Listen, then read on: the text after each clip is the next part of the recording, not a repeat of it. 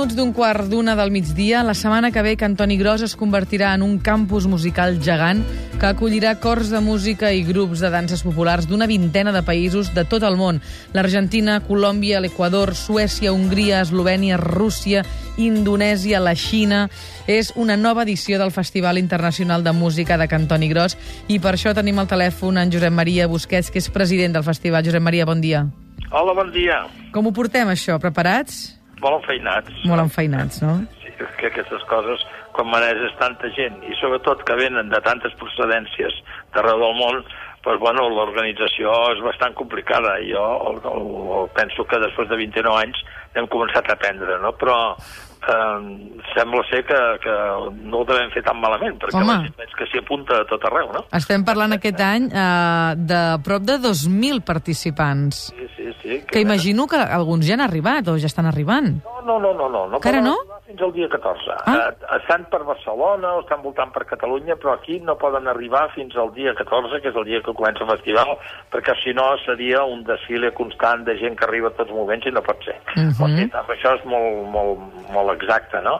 Però eh, nosaltres ja els esperem el dia 14, al matí, van arribant, i després a la tarda hi ha l'acte d'inauguració, on hi són tots presents, i després hi ha un concert, el concert inaugural, en el qual actuen grups de cors i actuen grups de danses, i que és un programa molt interessant i molt variat el que presenten tots els cadascú perquè porten les músiques dels seus països i porten les danses dels seus països i a més a Mhm. més amb les danses van abillats amb els vestits de cada país, el qual dona un colorit molt bonic en el campus del festival, no? A més a més, al festival, evidentment, i com no podria ser d'una altra manera, hi col·labora moltíssima gent. Més de 400 voluntaris i prop de 1.000 famílies de 25 pobles de les, comarca, de les comarques que envolten Cantoni Gros que allotjaran els participants, perquè ells aniran a dormir en aquestes cases, eh, en aquests espais. Sí, eh, la veritat és que en, en la zona aquesta tampoc té hostaleria suficient, encara que volguessin, no? O sigui que la solució que vam trobar des del primer any va ser demanar ajuda a les famílies dels pobles i que són famílies molt sensibles en el tema de la cultura i de, de, sobretot d'aquesta relació eh, entre diferents formes de viure i de ser i de presentar-se pel món. I tots tenen molt interès en rebre a casa seva doncs, persones de, de que els hi facin una aportació que realment els interessa molt, que és un intercanvi de relacions, de contactes i de coneixement. No? Uh -huh. Aquesta, a més a més, com ara vostè deia, és la 29a edició del festival. No sé si el pas dels anys ha fet que algunes famílies diguin jo ja ho he fet molt de temps, això ja m'ho conec, arriba a no passar noves generacions, o al contrari, ha fet que la gent encara s'animés més i s'ho sentís encara més seu, aquest Festival Internacional de Música. Sí, normalment les persones que es responsabilitzen d'un determinat aspecte de, de l'organització, ja sigui pues, eh, fent de guies, o fent d'intèrprets, o fent eh, t- treballant a l'escenari, o fent eh, venent entrades, o, o bueno, el que sigui, aquestes persones sempre reclamen mantenir el seu eh, el seu lloc de treball, per dir-ho d'alguna manera, no? perquè allò s'ho consideren seu, perquè ho han muntat des del primer dia. I quan alguns ja es fan grans, perquè han passat molts anys, no? 29 anys doncs no és poca cosa, ja tenen els fills que venen a anar-los agafant el relleu, però el que no fan és deixar l'espai que, que han anat desenvolupant durant tots aquests anys i això realment és eh, molt important perquè li donen al festival una continuïtat i una garantia de futur, no? Mhm. Aquests aspectes són molt importants. També per nosaltres és molt important tenir en compte que en el festival el que pretenem és que els grups que venen d'arreu del món sàpiguen on van, que sàpiguen que van a Catalunya, que sàpiguen que van a un país que té una identitat pròpia, que té una cultura pròpia, que té una forma de viure. I per això procurem que en les obres obligatòries que canten en els concursos, especialment, sempre hi hagi obres de, de, de, dels autors catalans o de la tradició catalana. No? Per exemple, aquest any commemorem el centenari de Maragall Uh -huh. i l'obra obligatòria pels cors mixtos és el cant de la senyera, obra que representa molt el cant coral a Catalunya, però per altra part és un text de Sant Maragall, que per tant és un text poètic molt bonic, i que eh, tots ells coneguin que tenim també eh, una forma d'identificar-nos amb música i amb lletra de, de gent del nostre país. No? També interpreten una obra de Pau Casals, els cors infantils, per també perquè el record de Pau Casals sigui present eh, com una de les eh, personalitats importants que tenim a la història de la música de Catalunya. No? Aquestes Mhm. coses s'han de cuidar perquè si no jo, per exemple, a vegades vaig a festivals que hi van grups d'arreu del món molt famosos que arriben, eh,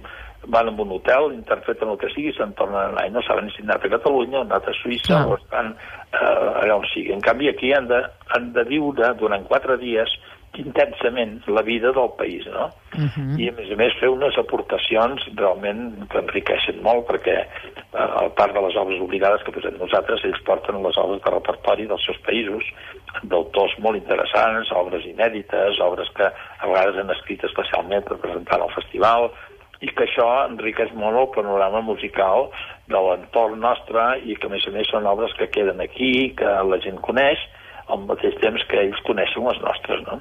Per tant, molts elements a tenir en compte en aquest festival, eh? l'identitari que ara ens recordava el senyor Busquets, també, evidentment, el folclòric, com ens comentava, amb les músiques i amb, les, i amb els vestits tradicionals de tots aquests països que venen a, a formar part d'aquest festival, i, per tant, es converteix en, en un gran, com ho diria això, un gran festival molt fotogènic. Hi ha molta gent que anirà a passar el dia, o va passar-hi uns quants dies, que tots van amb càmera en mà, eh? per anar enregistrant tot el que va passant. Sí. Hi fem un concurs de fotografia, també, això és molt curiós. Uh Mhm. -huh. Vam establir que es fes un concurs de tantes fotos que es fan i donem un premi al que guanya. L'any passat va guanyar un senyor d'Indonèsia. És a dir, de, de, de què sé jo, d'on, que, uh Mhm. -huh.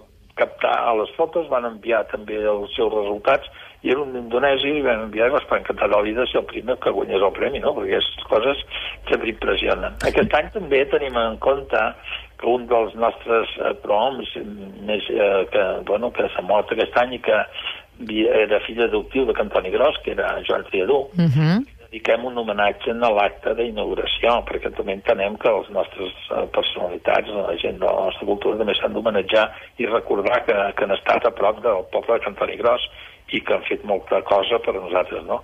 Per tant, totes les persones que realment tenen una identitat pròpia, procurem que en un moment o altre surtin en el terreny aquest cultural de, del Festival de Cantoni, no? Pendent, digues, digues. Bonic i brillant realment són eh, tots els concerts i totes les i els concursos d'aquests que en les competicions eh, fan les millors aportacions que tenen. Mhm. I realment és emocionant sentir-les. Eh? Jo volia, volia demanar alguna recomanació per la gent que vingui a passar-hi això, des d'una tarda fins a tres dies seguits, recordem des de dijous 14 fins a diumenge 17, i no ho hagi fet mai, vostè què li recomanaria que faci? Quin és l'itinerari? Quina és la, la forma? D'entrada que s'hi quedés els quatre dies. Això és la primera recomanació, perquè això és el lloc més del món. Vull dir, el lloc més del món trobarà una manifestació d'aquest nivell i amb aquesta quantitat de participacions. En segon lloc, dir que si és una persona eh, més versada en música eh, de compositors i de més, el divendres és un dia molt bo per, per estar en aquestes competicions que són les de cors mixtos, els cors femenins i el concert del vespre, no? que també és molt variat.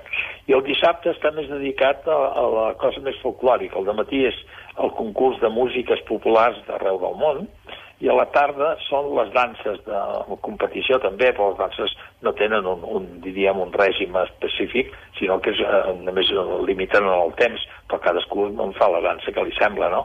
I que són danses folclòriques i al vespre hi ha, a més a més, el concert. El, el dissabte té molta variació d'ofertes, sobretot aquells que busquen una cosa més eh, diríem, de coneixement de, de diferents cultures i de diferents formes de viure i de ser, no?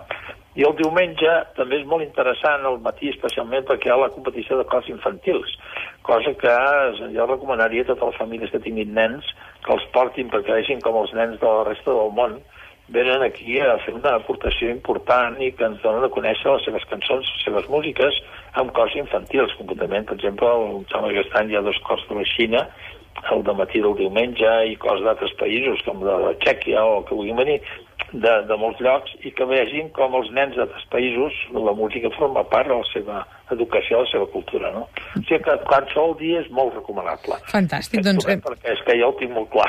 hem pogut conèixer, a més a més, el programa de primera mà de la mà d'en Josep Maria Busquets, que és president de la 29a edició del Festival Internacional de Música de Cantoni Gros, que es farà, recordem-ho, des de dijous i fins diumenge. Moltíssimes gràcies, senyor Busquets, i que vagi molt bé. I gràcies a vosaltres. Una abraçada. Adéu-siau. Ah.